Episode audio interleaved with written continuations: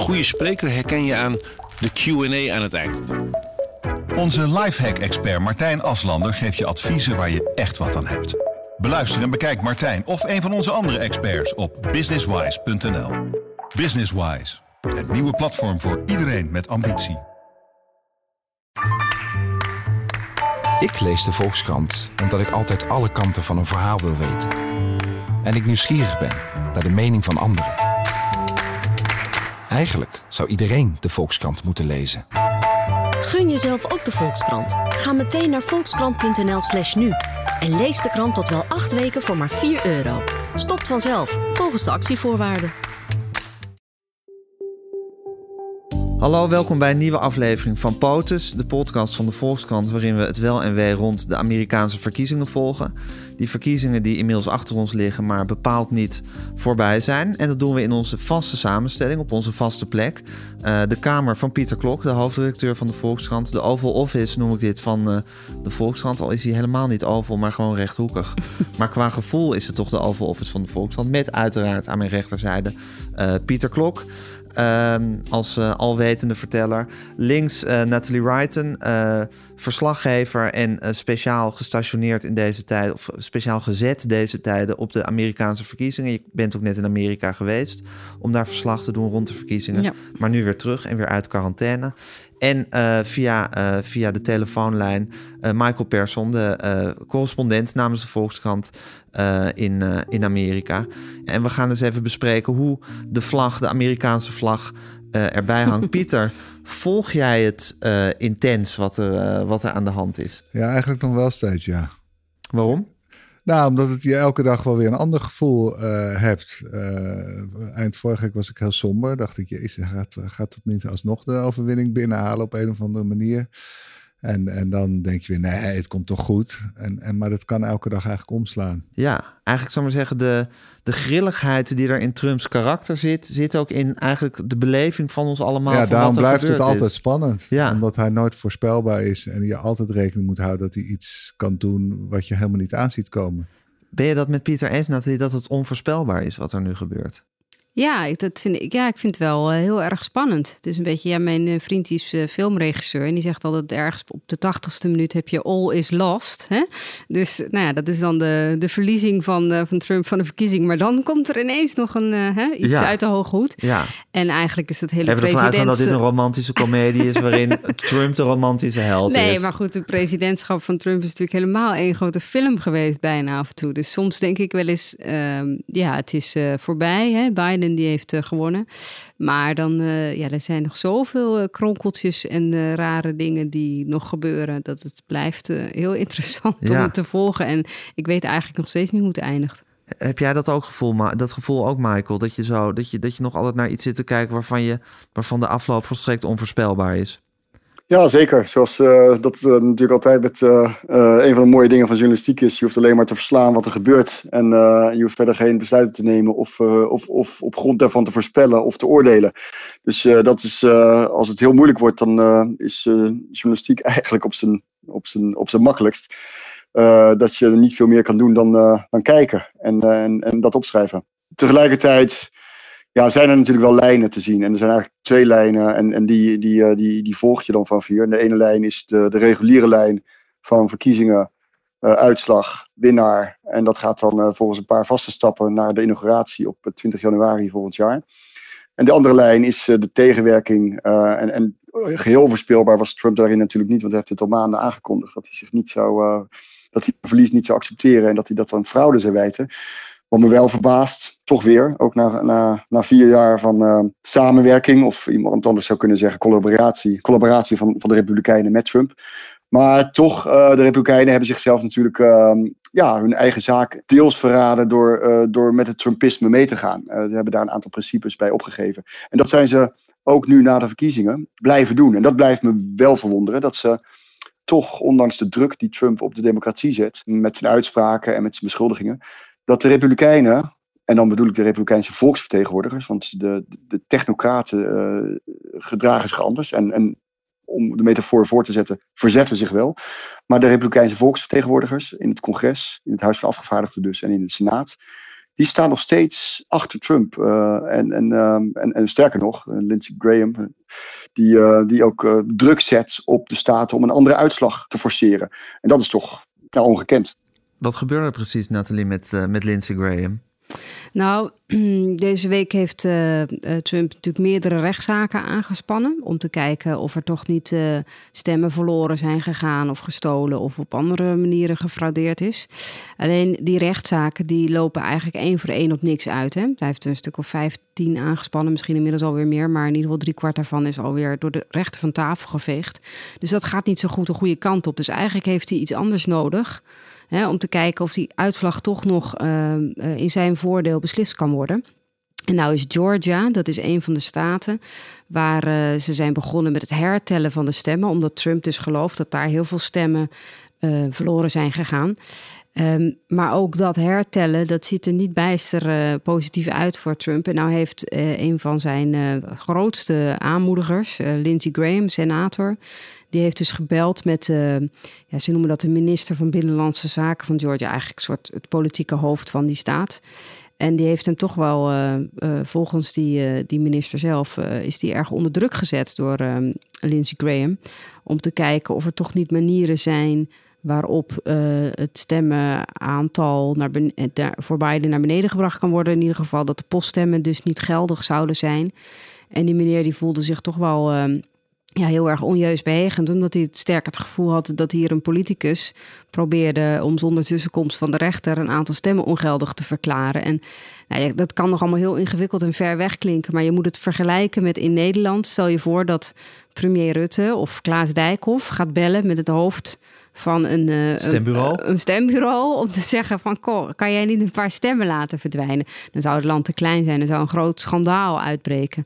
Dus op die, die orde van grootte moet je het een beetje zien. Dat, is echt een, eh, dat gaat heel ver wat daar is gebeurd. Als die man zegt ik voel me onheus bejegend of misschien wel geïntimideerd uh, door die Graham. Hoe, wat moet ik me daar dan bij voorstellen? Ik was daar natuurlijk niet bij hoe dat precies is uh, gegaan. Maar hij, hij noemt het wel zelf zo, dat hij zich onder druk gezet voelt. Um, ja, hoe zou dat kunnen? Ik neem aan dat er uh, veelvuldig wordt gebeld. En uh, heel veel mensen in de Republikeinse Partij zijn nu natuurlijk aan het kijken: hou ik mijn baan nog wel? Ja. En uh, in, op, op landelijk niveau, zo'n Lindsey Graham, ja, die, die zou dan moeten vrezen voor dat zijn partij straks geen meerderheid meer heeft in de Senaat. En zo'n meneer die aan, in, een, in een staat aan het hoofd staat, ja, die zou dan moeten vrezen voor zijn baan, ook zijn herverkiezing. Ja. Ik weet niet precies hoe die druk eruit ziet. maar het zal te maken hebben kan met, natuurlijk op allerlei manieren. met je baan en met je aanzien. En er zijn natuurlijk ook doodsbedreigingen geuit. Hè, aan de, ook aan, aan deze meneer, aan die minister in die staat. Die heeft uh, thuisbedreigingen gekregen van zorg maar dat het hertellen, dat je dat goed doet. Want anders uh, nou, weet je weer te vinden of... Uh, ja dat soort zaken. Hey, en Michael, Nathalie zegt, uh, als dit in Nederland zou gebeuren, zou het land te klein zijn. Mhm. Is Amerika ook te klein nu dit gebeurt? Of wordt dat allemaal voor kennisgeving aangenomen? Dit soort telefoontjes en dit soort halve intimidaties? Nee, dit, dit wordt wel hoog opgenomen. Dus, uh, dus uh, ook al, ook al uh, ik bedoel, wat er precies gebeurt, is weten we niet. En Raffensperg heeft het in ieder geval als, als zeer bedreigend en drukkend ervaren. En Graham die zegt uh, als hij dit wel bedreiging vindt, dan heeft, heeft hij een probleem. Uh, dus die gooit het op een, uh, op een interpretatiekwestie. Een watje. Hij vond het wel een gezellig gesprek, toch? Zei hij. Een watje, maar wat er ook in het telefoontje gezegd is, zo, dat, dat is al wonderlijk. In ieder geval, als je dat puristisch bekijkt. Ja. Een senator die bovendien voorzitter is van de juridische commissie in de Senaat. machtige man. En, en, en, dan dus vervolgens uh, een, gewoon een, een, ambtenaar eigenlijk in, uh, in een staat belt en, en vraagt om uh, toch eens goed te kijken naar de handtekeningen op, op, op die stemmen. En te, te, te, kijken bij die hertelling of, er, of die allemaal wel geldig zijn, die stemmen. Ja. En wat voor bewoordingen die dat ook heeft gedaan, dat is, dat is nou, nogmaals ongekend of ongehoord. En in elk geval, zeker aan de oppositiekant natuurlijk, aan de democratische kant, zijn ze in de hoogste boom hoe dat verder afloopt, um, dat, dat zal allemaal weer wel meevallen. Want er zijn natuurlijk zoveel schandaaltjes en schandalen geweest uh, de afgelopen vier jaar. Die uiteindelijk toch worden geaccepteerd of die toch uh, dood neervallen. In ieder geval die geen consequenties hebben. omdat ze nou niet hard te maken zijn of uh, niet juridisch te vertalen zijn of niet, verder niet politiek te vertalen, behalve in de al lang gepolariseerde sfeer en de al lang gepolariseerde stellingen terechtkomen. Dus ja, inderdaad, het land is te klein. Maar uh, straks komt er weer iets nieuws. En dan uh, zijn, we dit, zijn we dit weer vergeten. Ja, het wonderlijke is natuurlijk van het land is te klein. Die, die, die marge wordt alsmaar opgerekt, hè, natuurlijk. Precies, Dingen waarvan precies. je een paar jaar geleden zou denken... het land is te klein, zijn inmiddels alweer normaal geworden. Dat is natuurlijk ook wat, wat, wat het... het uh, het presidentschap van iemand als Trump doet. Dat, je, dat, je, dat, je, dat, dat de grens van wat je normaal vindt alsmaar wordt opgerekt. Pieter, eigenlijk zou je kunnen zeggen... en dat is eigenlijk een conclusie die we al trokken... Uh, voordat er überhaupt gestemd werd... dat, dat los van alle inhoudelijke uh, keuzes die er te maken zijn tussen Democraten en Republikeinen, dat het ook een keuze is tussen iemand die de rechtsstaat, de rechtsstaat op een normale manier en de democratie op een normale manier eerbiedigt. Mm -hmm. En iemand die dat per definitie niet doet, eigenlijk, of daar zo zijn eigen regels op nahoudt. Die lijn wordt eigenlijk volstrekt doorgetrokken. In die zin dat, ze, dat je eigenlijk zou kunnen zeggen dat uh, de Republikeinse partij in navolging van Trump nu eigenlijk ja, het hele democratische systeem aan het bevragen is, zou je kunnen zeggen. Nou, dat is het pijnlijke. Want ik denk nog steeds dat die Republikeinen niet echt van Trump houden. Maar ze willen gewoon winnen. En, en het gekke van deze verkiezing is dat er eigenlijk nog een verkiezing volgt in Georgia. Er staan nog twee senaatzetels op het spel. Dat maakt deze verkiezingen weer volstrekt uniek. Het is eigenlijk ook bizar dat dat er nu ook nog aan vastgeplakt zit. Waardoor altijd die Republikeinen denken, ja, dan moeten we weer winnen. En hoe gaan we winnen? Dat is toch door de Trump-achterban dicht bij ons te houden. Want het zijn 70 miljoen kiezers. Dus ik denk dat ze veel van hun gedrag, niet die Lindsey Graham, want die gaat nu wel heel ver, maar bijvoorbeeld Mitch McConnell, die wil vooral uh, de majority Wie is houden. Mitch McConnell? Dat is, de, dat is de uh, leider van de Republikeinen de Senaat. Die is majority leader, is daardoor heel machtig in Amerika. En die kan ineens minority leader worden als hij uh, Georgia verliest. Ja. En dan is hij gewoon weg. Dus Ja. ze strijden voor hun positie. En uh, als je vreest voor je positie, is hun analyse, dan kun je maar beter achter Trump gaan staan. Want die slaagt er elke keer in om heel veel mensen naar de stembus te krijgen en op de Republikein te doen stemmen. Dus het komt op mij over als opportunisme. Ik denk niet dat zij uh, allemaal oprecht geloven in het Trumpisme. Nee, maar het wonderlijke is natuurlijk dat uh, opportunisme in de oude tijd misschien uh, ook gold.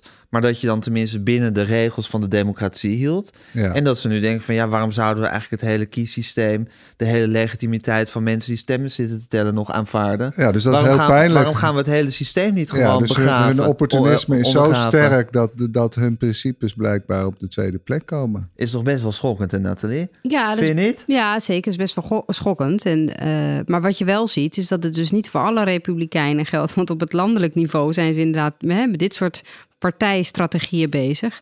Maar op staatsniveau heeft dat natuurlijk echt gevolgen voor mensen als er fraude zou zijn uh, gepleegd. Hè? Dan, dan worden sommige mensen verliezen dan hun baan of hun aanzien dat er in hun staat fraude is gepleegd. Under their watch, zeg maar. Dus je ziet ook wel, uh, wel republikeinen hier en daar, gouverneurs. Uh, ministers die daartegen in opstand komen. En uh, dat weigeren toe te geven. Er is afgelopen week door diverse instanties en ook door diverse bestuurders, republikeinen, heel luid en duidelijk gezegd. Fraude hebben wij hier niet grootschalig uh, gezien. Nee, hè? Dus de, die, die verdedigen toch de rechtschapenheid van hun eigen ja, verkiezingen eigenlijk. Ja, precies. Ja, dus, dat, dus wat Trump ook zegt, van er is op grote schaal gefraudeerd. Het blijkt niet uit de rechtszaken die zijn aangespannen. Hè, dus het, er, er wordt geen bewijs geleverd dat het zo is. En ook dus de uh, republikeinse uh, machthebbers of lokale leiders die er te doen, zeggen, misschien wel bijna met spijt hun stem, maar we hebben het echt niet kunnen vaststellen. Nee. Michael, je zou ook kunnen verwachten. Bedoel, het is natuurlijk in die zin een soort doodstrijd voor de, voor de Republikeinse Partij. Maar het is misschien ook gewoon een soort nagel aan hun doodskist. In die zin je, krijgt natuurlijk een schisma in die partij nu. Van mensen die gewoon toch, uh, toch de regels willen eerbiedigen. En mensen die gewoon willen doorvechten. Uh, ja, tot, tot, tot het einde, zou ik maar zeggen. Ja, ja al, al, had ik dat schisma wel eerder verwacht. En er, is natuurlijk, er zijn uh, principiële conservatieven geweest die, uh, die zich hebben geprobeerd te verzetten tegen het, tegen het Trumpisme uh, binnen hun partij. Maar die zijn er eigenlijk niet in geslaagd. Dus de enige oplossing was uit de partij te stappen. En dat is, hebben een aantal gedaan. senatoren, volksvertegenwoordigers en andere mensen aan de zijlijn. Maar of het schisma nu echt in de partij terechtkomt, ik denk, ik denk toch eerder dat de, de, macht van Trump te groot is. En als je, um, je, je ja, niet thuis bij voelt, dat je dan zal, uh, zal moeten vertrekken. Ik denk niet dat er al een, een kritische massa aan het ontstaan is. Behalve dan op het lokale, plaatselijke niveau. Maar daar uh, staan mensen toch een beetje in een eentje te vechten tegen die aantijgingen van, van die massa. Het zijn niet alleen volksvertegenwoordigers, maar ook het partijapparaat zelf. Uh, Ronna McDaniel is een, is een hele, hele felle. Dus dat is allemaal intact. En daar staan, alleen, daar staan eenlingen tegenover. En die, ja, die vallen, als ze het niet meer trekken, uh, zullen ze uh, in hun eentje vertrekken, kan ik me voorstellen. Het is niet zo dat er echt in de partij een een, een bonk ontstaat die zegt van nee, het moet anders. Tot nu toe blijft er nog een soort van eenheid. Ja, maar het is wel interessant om te zien hoe dat inderdaad in Georgia gaat lopen. Want daar heb je dus twee senatoren die strijden voor hun leven, zeg maar. Maar eh, je hebt er ook een eh, lokale gouverneur en minister die zeggen... er heeft geen fraude plaatsgevonden. En dan heb je zo'n senator Loeffler en zo'n congreslus Marjorie Green... die gewoon zeggen het is wel zo. Dus het is ook binnen zo'n gemeenschap. Dat is natuurlijk het wordt Ja. op een steeds kleiner niveau... Ja. wordt het echt lastig voor die mensen. Nou ja, en zoals, zoals alles rond Trump een soort principieel iets wordt, of je een mondkapje draagt of dat je geen mondkapje draagt, wordt ook al een politieke keuze. Op een gegeven moment wordt waarschijnlijk ook een soort politiek statement of je denkt dat er fraude is geweest, Ja. of dat je Ja. denkt dat het eerlijk is Ja, gegaan. maar dit is dus binnen die partij. Precies, hè? ja, dat wordt nu binnen die partij. Uiteindelijk gaat het natuurlijk om de, om de crisis, wat die, wat die vinden. Hè? Dus, dus eh, de, politici die volgen, die, die zijn niet leidend in, dit, eh, Dat is waar. eh, in deze fase. Dus, dus wat, de verkie- wat de kiezers vinden, dat zullen de, de verkiesbaren uiteindelijk gaan, gaan zeggen en vinden. En tot nu toe, ja, met die 70 miljoen of die, die enorme ehm, hoop stemmen voor, voor Trump, is er eh, weinig reden om eh, die stroming in de Republikeinse Partij nu op te geven. Ja, en ook als je bijvoorbeeld zaterdag tijdens zo'n mars met mensen praat, dan is de felheid van hun opvatting inderdaad zodanig dat je weet van ja, dan, dan, dan zou ik het als politicus, eh, dan weet je het wel, om te overleven moet je, moet je mee. En dat is een wisselwerking, want die, die mensen worden ook weer enorm aangevuurd door, ehm, ja, het zijn niet per se conservatieven te noemen, maar iemand als Sebastian Gorka die daar sprak. En die echt tegen hen zei van jongens, eh, als jullie geloven dat er fraude is gepleegd, en er is fraude gepleegd, ga terug naar je staat en ga, waar je, eh, ga terug naar waar je vandaan komt en zet eh, de Republikeinen daar onder druk. Want dat zijn jullie verplicht aan hem. En wie is hem? Dat is natuurlijk aan, aan, aan Trump. Dus het wordt een soort bijna religieuze loyaliteit. Wordt Als een er, eh, soort messias wordt hij, eh, wordt hij beschouwd en daar moet je trouw aan blijven. Exact. You, owe- you owe it to him. Ja. You owe it to him. En dat is, eh, en dus je, je, je bent het hem verschuldigd om ja, tegen de dissidente republikeinen in die staten eh, in opstand te komen. Ja, dat vond ik wel, dat vond ik heftig. Nou Het ja, is wat, ik het, wat ja? ik het pijnlijke vind is, het komt niet, het komt niet voort uit de opvattingen of overtuigingen. Het komt gewoon allemaal voort uit een persoonlijkheidsstoornis. Ja. Namelijk een man die zich niet kan neerleggen bij een nederlaag. Dat heeft hij in zijn hele leven nog nooit gedaan. Ook een man die continu maximaal conflicten aangaat. Hè. Dat is ook zijn karakter. Gewoon continu overal ruzie schoppen. Want dat levert altijd leven in de brouwerij op. En daar kun je dan weer je voordeel mee doen. Dus en hij weet er als een het overwinnaar uit te komen. Precies, het Ja. is een persoonlijkheidsstructuur die, die, die, die hier tot uiting komt. En, en het hele land moet daarop reageren. En dat is toch echt wonderlijk, want hij heeft geen bewijs. Hij heeft geen overtuiging. Hij zit daar maar waarschijnlijk hamburger vreten en cola light te drinken. Voor Fox af en toe de meest wilde rond het, eh, dingen rond te twitteren. En een hele natie is gedwongen daarop te reageren. De hele dat- wereld. Dat, is toch bizar. Laten we dat ook toch niet vergeten. Eh, dit is een heel groot kind waar we allemaal eh, ons toe moeten zien te verhouden. Ja, maar ook een heel charismatisch kind. Ja, Ja. ja. Dat is natuurlijk het wonderlijke, dat hij op een of andere manier iets weet over te brengen, dat hij die messiasachtige kwaliteiten Het is heeft. ongelooflijk. Dat mensen hem willen volgen. Ja, vroeger had je een baby die werd dan een nieuwe Boeddha. Daar zag je ook dat soort. Daar moest ook iedereen zich toe verhouden. Maar je veronderstelt dan wel dat er helemaal geen strategie achter zit. Hè? Want we hebben het hier wel eerder over gehad. Het is het inderdaad gewoon een, een karakterfout. Hè? Dat iemand niet zijn verlies kan eh, toegeven. Of is het een strategie, zoals die Steve Bannon van hen eh, destijds zei. Het is een hè, je, politiek is conflict, zei hij. Ja. Hè, dus een manier om te winnen kan ook zijn om zoveel chaos te creëren. Eh, hè, om, om elke keer weer iets te doen van nou, dit, dit is zo ongelooflijk. En dan is iedereen daarover in rep en roer. En voordat je daar alweer van bekomen bent, is er alweer een volgend schandaal. Nee, zeker. Maar dan is het een tactiek. Kijk, je gedraag je op Ja. een bepaalde Ja. manier. Omdat je denkt dat dat uiteindelijk veel oplevert. Maar het is geen strategie in de zin van ik wil in tien stappen daarheen. Nee, dat, klopt. Dat tenminste. Je hebt natuurlijk ooit de regering Bush junior, W. Bush gehad, George W. Bush, eh, die duidelijk een soort zetpop was van een paar mannen om hem heen, Dick Cheney en Karl Rove. Die hem eigenlijk gebruikten om hun eh, strategie, de wapenhandel enzovoort, voor te jagen. Ik heb het idee dat het bij Trump helemaal niet zo is. Dat er, dat er een soort heel groot masterplan achter hem zit, waar hij als een soort zetpop in, gebruik, eh, in gebruikt wordt. Nee, maar misschien is zijn masterplan gewoon winnen. Ja, Zorgen- zo- ja, zorgen ja, dat precies, ik maar dat is, ja, dat, ja, dat is dus dat is meer die En karakterstructuur. dat doe ik door chaos te creëren. Ja, zeker. Maar dat is meer een kunnen. Tactiek. nee, dat is meer een tactiek. Ja. Ja. Ja. Wat is jouw gevoel erover, Michael? Ja, het is, het is, eh, het is zo'n spotprint die ik laatst weer zag langskomen. Van dan zie je Trump op een, eh, op een speelgoedtrein zitten. Met een handvol rails in zijn handen. En ehm, ja, met elke meter die de trein verder moet, komt er, moet er even snel een meter, eh, meter rails worden aangelegd. Dus het, het, spoor wordt, het spoor wordt gelegd terwijl we rijden. en en dat, is, ehm, dat is wel een beetje het gevoel dat, dat je hebt. Ja, dus het is heel erg alleen improviest. En, en kijken waar we uitkomen. Ja, het, het ingewikkeld of het angstaanjagende vind ik eh, bij Trump. En dat is ook een beetje waar we misschien over moeten hebben van hoe, eh, ja, hoe, hoe serieus het moeten nemen. Is dat ik het gevoel heb dat hij bereid zou zijn, als de situatie daar zou zijn, om het hele land in zijn val mee te slepen. Als hij valt, zou ik maar zeggen. Ik bedoel, als, het, als, er, als er niks meer te redden is, hij zal gewoon tot het gaatje gaan om die nederlaag niet te hoeven erkennen, af te wenden, met geweld toch nog af te dwingen dat hij er mag blijven zitten. Maakt niet uit. Als dat maar gebeurt, hij, hij zal denk ik nooit denken van nou, voor het groter goed laat ik het, eh, eh, blaas ik maar de aftocht. Hij gaat gewoon door tot het einde. Michael, wat, wat bedoel, even de, de, de, het karakter van deze man eh, indachtig. Ja, ja, ja, inderdaad, het karakter indachtig. En, en, en, en, de prestaties uit het verleden, die leiden, ja, die, die kan je heel, heel ver extrapoleren. En dan denk je, er is geen grens aan wat, deze, wat hij doet.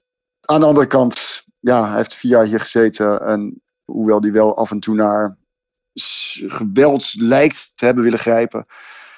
Eh, en heeft natuurlijk die eh, op een gegeven moment politieagent op betogers afgestuurd. En dat ging, eh, dat ging er hard aan toe. Maar het is wel echt een, een, een- stap om met geweldsmiddelen ook eh, zo'n plek te blijven verdedigen. En, en, en dan heb je toch ook wel weer heel veel mensen nodig die, die technocratisch zijn of die een bepaalde functie hebben. Zoals het verzet in die staten heb je natuurlijk ook mensen die aan het hoofd staan van, eh, van, eh, van dat soort instanties, van het leger en, en politie. En die, nou ja, die moeten dan ook gaan, gaan meewerken. En ik, ik denk dat er toch eh, een, een, praktische grens aan zit. Misschien geen morele grens voor hem, want inderdaad daarvoor heeft hij zich nooit zo- zoveel eh, van zijn empathische kant laten zien.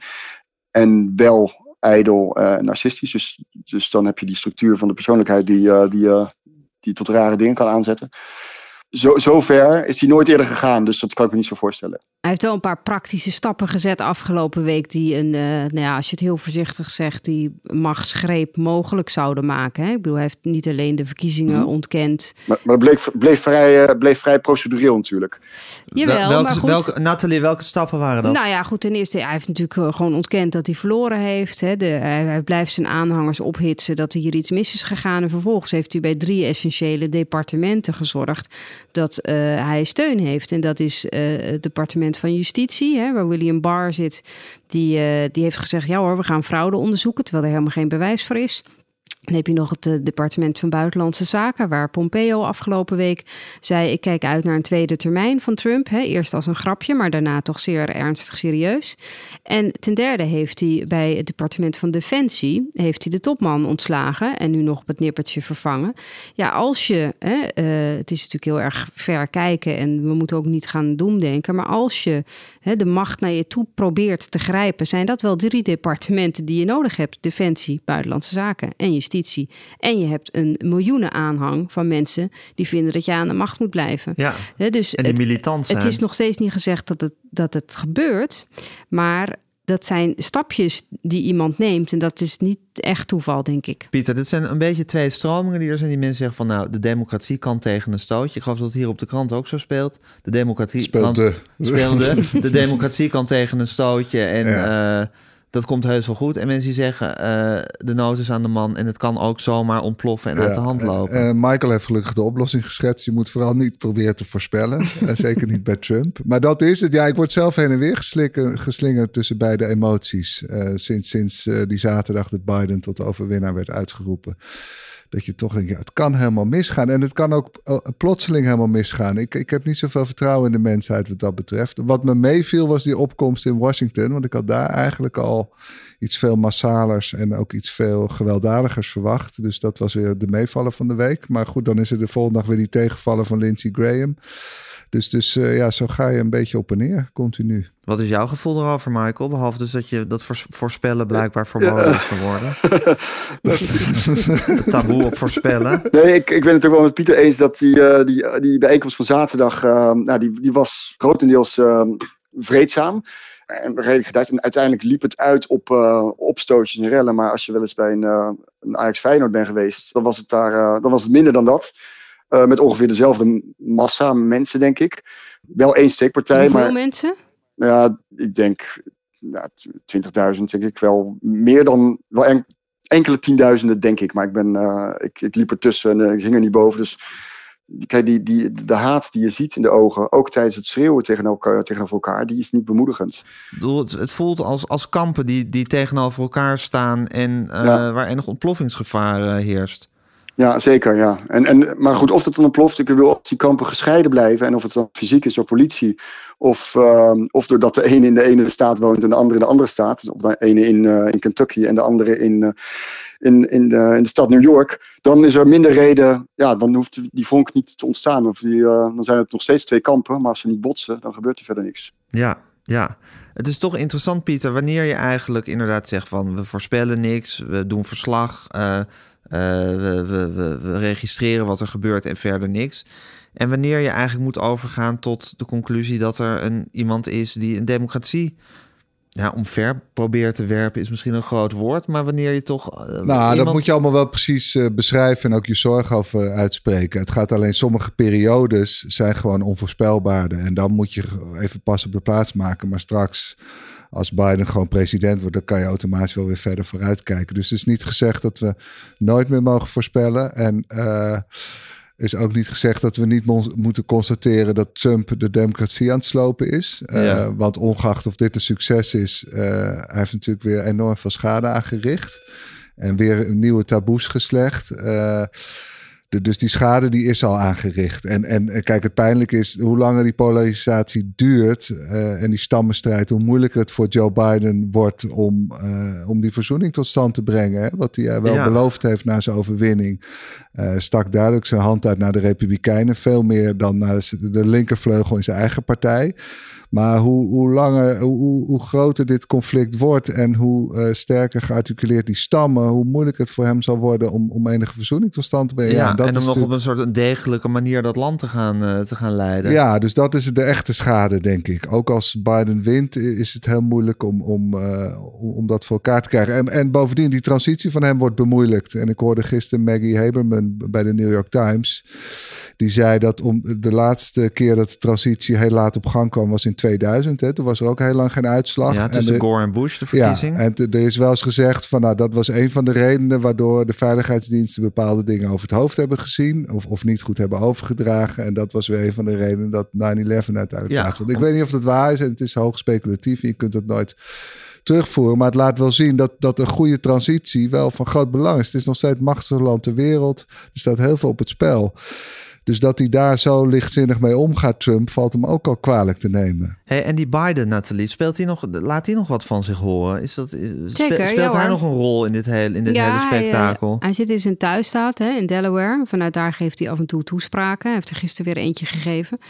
En uh, ja, hij maakt zich bijvoorbeeld heel erg zorgen over die coronacrisis. Die, er is geen enkel land ter wereld waar uh, corona zo hard huishoudt als uh, nu in Amerika.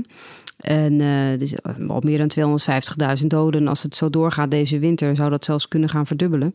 Dus uh, Biden die zegt, ja, in godsnaam uh, laten we wel die transitie teams met elkaar laten praten. Dus Biden heeft zijn eigen team en die, en die wil dus gaan praten met ambtenaren van volksgezondheid om te zorgen dat je bijvoorbeeld dat coronavaccin goed kan gaan distribueren in januari. Om te zorgen dat je ja. geneesmiddelen goed kan distribueren. Dat is nou typisch iets wat in zo'n transitie, wat, waar, waar, waar, je, waar je eigenlijk maanden wint in zo'n transitie, of kan verliezen in een chaotische transitie. Ja, Biden die zegt van als wij pas op 20 januari beginnen, dan verliezen we gewoon een maand of anderhalve maand. He, je en dat moet, is zoveel uh, doden. Ja, en dat Ja. Is, kost gewoon heel veel eh, mensenlevens. Dus hij zegt het begint nu ook eh, levens eh, te kosten.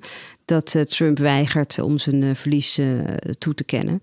Ehm, dus daar, dat is heel concreet. En ja, wat meer eh, abstract, omdat we het net hadden over, over stammen en zo. Dat is natuurlijk iets wat jaren doorettert. Ik had in, in Afghanistan heb ik drie jaar gezeten. Als zodra mensen echt het gevoel hebben dat hen iets ontnomen is of dat hen onrecht is aangedaan. Zelfs als je dat nu beslecht, hè, en zelfs als Biden dus op 20 januari gewoon president wordt, wat waarschijnlijk het geval is. Hè, daarmee is het nog niet weg. Het blijft heel lang dooretteren. En het grote gevaar in Amerika, blijf ik altijd maar vinden, is dat alle mensen een wapen hebben. Het is niet zoals in Nederland eh Ajax Feyenoord dat mensen op de vuist gaan. Het is dat mensen echt kunnen gaan schieten met volautomatische geweren. En dan kan het heel hard gaan. Ja, Pieter. Ja, Ja, we, daar, heb mogen, ik we niet, mogen helaas niet, eh, niet, voor, niet voorspellen, maar Ja. daar Ja. heb ik niet van terug. ja, die Nee, het is die- een hoogst explosief Ja. eh, mengsel. Dat, daar zijn we het volgens mij allemaal over eens. Ja. Dus Ja. ja, nee, dus je mag best eh, scenario's schetsen. Daar is niks mis mee. Nee, Maar- voelde, je, voelde je dat, Michael, in dat, in, dat toch, in dat keurige Washington? Het is toch een soort Den Haag, eh, waar dan al die marsen was, waar die tribale stemming was. Ik bedoel, als dat, als dat in wat, in wat op wat rauwere plekken in Amerika plaatsvindt, kan dat toch ook wel gewoon helemaal uit de hand lopen. Ja, kijk, ik, ik, ben er ook, ik ben er ook heel dubbel in. De, je ziet de spanning, je ziet de, het, kruidvat natuurlijk en de, en de wapens, zoals Nathalie zegt. Het allemaal, eh, al die ingrediënten zijn er. Tegelijkertijd zijn er dat soort, zijn dat soort confrontaties geweest. Ehm, niet over zulke existentiële dingen als de toekomst van het land. Maar ja, in Portland bijvoorbeeld, waar ik dan geweest ben rond ehm, Black Lives Matter eh, protesten en, en het verzet daartegen vanuit eh, door rechtse knokploegen. Ja, daar vallen dan doden bij schietpartijen. Wat me dan hoop geeft, klinkt raar, eh, is dat, eh, dat het geen wraak, eh, dat het geen actie-reactie eh, eh, dynamiek in gang heeft gezet. Dus je krijgt iemand die, die het escaleert, iemand schiet mensen dood. En daarna heeft het recht zijn loop, zou ik maar zeggen. Dit klinkt, dit klinkt wel heel simpel, want er, is natuurlijk al, er broeit van alles nog steeds. Het kantelt niet meteen wat je zou krijgen natuurlijk als, het, als, het, als er wordt teruggeschoten. En weer iemand en dan de ene partij, andere partij. Eh, maar dat, dat, dat is er. In de hoofden zit, zit die behoefte wel. eh, als ik met, eh, zowel met rechts als met links praat. En dan niet zomaar rechts en niet zomaar links, maar echte fanaten. Echte militanten. Dan, dan, dan wordt er wel zo gedacht. Dus of er op een gegeven moment genoeg mensen over die schreef gaan. Dat, dat, dat weet ik niet. Dat weet, ik. Dat, dat weet niemand. Ik denk nog steeds van niet, maar de, de ingrediënten om dat te laten gebeuren, die, die zijn er wel. Dus het moet, het moet het ook waard zijn om ehm, natuurlijk voor genoeg mensen om offers te brengen. Want daar komt het om neer. Je kan eh, Ja. doodgaan of de gevangenis gaan als je, als, je, als je over die grens gaat. En ja, daar, er zijn mensen die denken dat ze genoeg in hun recht staan om inderdaad dat, dat eventueel het offer te moeten brengen. Hoeveel mensen die, die haat in de ogen hebben, dat ook omzetten in, eh, in, in, in actie uiteindelijk, dat weet ik niet. Het zou denk ik heel snel uit de hand kunnen lopen al zou Trump oproepen tot geweld. Maar dat geloof ik eigenlijk niet Nee. dat hij dat gaat doen. Ja. Al zou hij het doen, dan zou het wel heel snel kunnen Ja, het, exploderen. het fascinerende aan deze hele situatie is toch, Pieter, dat, we, dat je het over politiek hebt in Amerika en daarmee in feite ook over internationale politiek. Een groot complex aan factoren en toestanden en verkiezingen en democratie of geen democratie. En dat het uiteindelijk allemaal eh terugleidt naar de, naar de wonderlijke, grillige eh, karakterstructuur van één bepaalde man Ja. die daar op die positie zit. En dat we eigenlijk allemaal met open mond zitten te kijken. Wat doet hij nu weer? En, ja, nou, het, eh, hele, het lot van de hele wereld wordt wel een beetje bepaald hoor. Ik denk, ik denk dat het belang moeilijk kunnen Nee, overschatten. nee precies. Want- maar het, grappige is dat, dat, uit, dat uiteindelijk, hoe lang je er ook over Ja, pleit, dat, je, dat je altijd weer naar de, naar de, naar de daden van deze, of de, Ja. de, de grillen van deze man eh, terugkeert. Ja, ja dat, dat is het wonderlijke. Dat onze instituten blijkbaar zo zwak zijn. Dat als je er eh, een totale eh, ja, atypische politicus op afstuurt. Met, met hele rare persoonlijke grillen. Dat, dat, dat het daar toch niet tegen bestand Is is. Dat er toch een soort redelijkheid. Er is een soort redelijkheid verondersteld toen we dit systeem inrichten. Ja. En er is nooit rekening mee gehouden met, met, met zo iemand. Dus het, het systeem is daar gewoon niet op ingericht, vrees ik. Dus, en, en dat zie je misschien eh, in meer landen wel gebeuren nu. Eh, En dat, is ook wel eerder gebeurd dat onze naoorlogse instituties toch, toch eh, al dachten we dat ze echt van beton waren. Misschien niet zo stevig Nou ja, het lastige is natuurlijk al, als je, als je een volksmanner met, met een grillig karakter ergens zet, dat je, dat, zodra je het volk achter je aan krijgt, Ja. of meekrijgt, dat je dan toch gewoon de macht hebt. Ja. En het fascinerende is natuurlijk, Nathalie, om te kijken... zijn juridische mogelijkheden zijn nu eigenlijk uitgeput. Of tenminste, die raken Bijna uitgeput. goed als, ja. Eh, er is een beetje intimidatie gepleegd op, op, op, laten we zeggen, diplomatiek of op politiek niveau. Wat kan die nu Wat nog? nu? What's ja. next? Ja, Dat what's is- next? Dat, dat is is- echt heel erg afwachten Dat de is de komende grote week. vraag. Ja. Ja. Nou, en wat toch ook nog wel een interessante laag is, ik weet niet of jullie allemaal de social dilemma hebben gezien, maar Trump is natuurlijk wel ook het product van, van onze nieuwe informatie eh, Van de social samenleving en de social media. Mhm. Eh, dus misschien is onze democratie daar uiteindelijk nog niet tegen bestand. Had, hadden we voor onze democratie toch ook op informatievoorziening enige organisatie nodig. En als je de totale chaos hebt die je op sociale media hebt, dan, dan red je het niet. Of althans, dan raak je zeer beschadigd als democratie. Ja, ja. Zit jij op het puntje van je stoel, Michael, de komende week? Wat zei je? Je viel heel even weg, Gijs, sorry. Of, ja, of je, of je, ja, je zat neem ik aan weer een stuk te tikken. Nee. Of je op het, of je op het Hij punt- gaat op vakantie, Gijs. Oh, hij gaat op vakantie. Of je op het puntje van je stoel zit de komende week, Michael. Oh ja, ja nee, zeker ja. Elke dag wel, eh, ja, god, het, is toch wel een, eh, een voorrecht om, eh, om dit te mogen mee mogen verslaan. Ik bedoel, als, als journalist het idee hebben dat je ergens in de frontlinie van de geschiedenis de, de eerste stofwolken mag beschrijven, dat, dat blijft wel, ja, dat is waar- waarom, waarom ik dit ben gaan doen, denk ik. Dus ja, puntje van mijn stoel, professioneel, zeker, maar ehm, er zijn een paar, wel een paar momenten die eraan zitten te komen. Dat zijn de formele eh, stappen in, in die hele transitie. En, eh, en, en uiteindelijk de uitslag van de verkiezingen, die op 14 december zal worden, worden bevestigd. Dus ik denk ook dat er dan op een gegeven moment toch iets van een. Ja, er moet toch ergens wel een keer een soort rustpunt komen in deze voortdurend opbouwende climax. En 14 december, 14 december is de dag dat de, dat de verkiezingsuitslag officieel bekrachtigd zal worden. Ehm, ja, dus op 8 december moeten de stemmen van het Electoral College, ehm, zeg maar de, de, de, de lijsten van het Electoral College eh, worden ingeleverd. En die uiteindelijke deadline daarvoor is op 14 december. Ik bedoel, na 8 december kunnen ze niet meer veranderen. 14 december worden ze definitief. Ja, dat, dan is er dus echt geen weg meer om dat te veranderen. En dan wordt het vervolgens in het congres, begin januari, wordt dat eh, formeel bevestigd. Maar dat is het moment dat en de juridische wegen en de politieke wegen en alle druk daarop een, zijn eindpunt heeft, een natuurlijke eindpunt. Dus als je daarna nog iets wil veranderen, zou willen veranderen, nou, dat, dat, zou nou, buiten alle regels en normen dus omgaan. Dus dan, als er dan nog problemen zijn, dan, dan is het probleem eh, echt groot. Dus ik denk dat er nog wel een nieuwe podcast moet komen. Dan kom je op het scenario staatsgrepen uit, maar Ja, dat, eh, daar zijn is we nog niet. ongekend.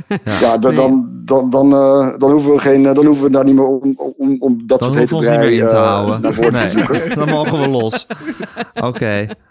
Nou, eh, eh, het is inmiddels een onregelmatig verschijnende podcast eh, geworden. We houden het allemaal voor u in de gaten, dames en heren. Het, het trio mensen dat hier zit. En, en ik om het in goede banen te leiden, voor zover ik dat kan. Het is woest fascinerend allemaal, vind ik. En eh, we blijven het volgen. Natalie Wrighton, Michael Persson aan de telefoon en Pieter Klok. Dank jullie wel. En eh, wanneer, wanneer we elkaar spreken, precies weet ik niet. Maar als er aanleiding toe is, dan, eh, dan verzamelen we hier weer voor ons theekransje. Dankjewel, Michael. ik ga je ophangen. Ik vond het, ga lekker tikken. Ja. Ga op vakantie en eh, eh, geniet ervan sowieso. Oké, dankjewel. Doei. Dankjewel, Gijs. Oké. Dit was, eh, dit was POTUS, de podcast eh, over het wel en wee rond de Amerikaanse verkiezingen. En wanneer er weer een aflevering is, kan ik op dit moment niet zeggen. Maar als er aanleiding toe is, dan zijn we er weer.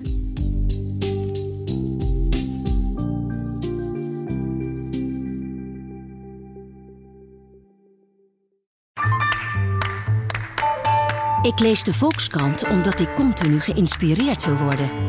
Over alles wat het leven leuker en makkelijker maakt. Eigenlijk zou iedereen de Volkskrant moeten lezen. Gun jezelf ook de Volkskrant. Ga meteen naar volkskrant.nl slash nu. En lees de krant tot wel acht weken voor maar 4 euro. Stopt vanzelf volgens de actievoorwaarden.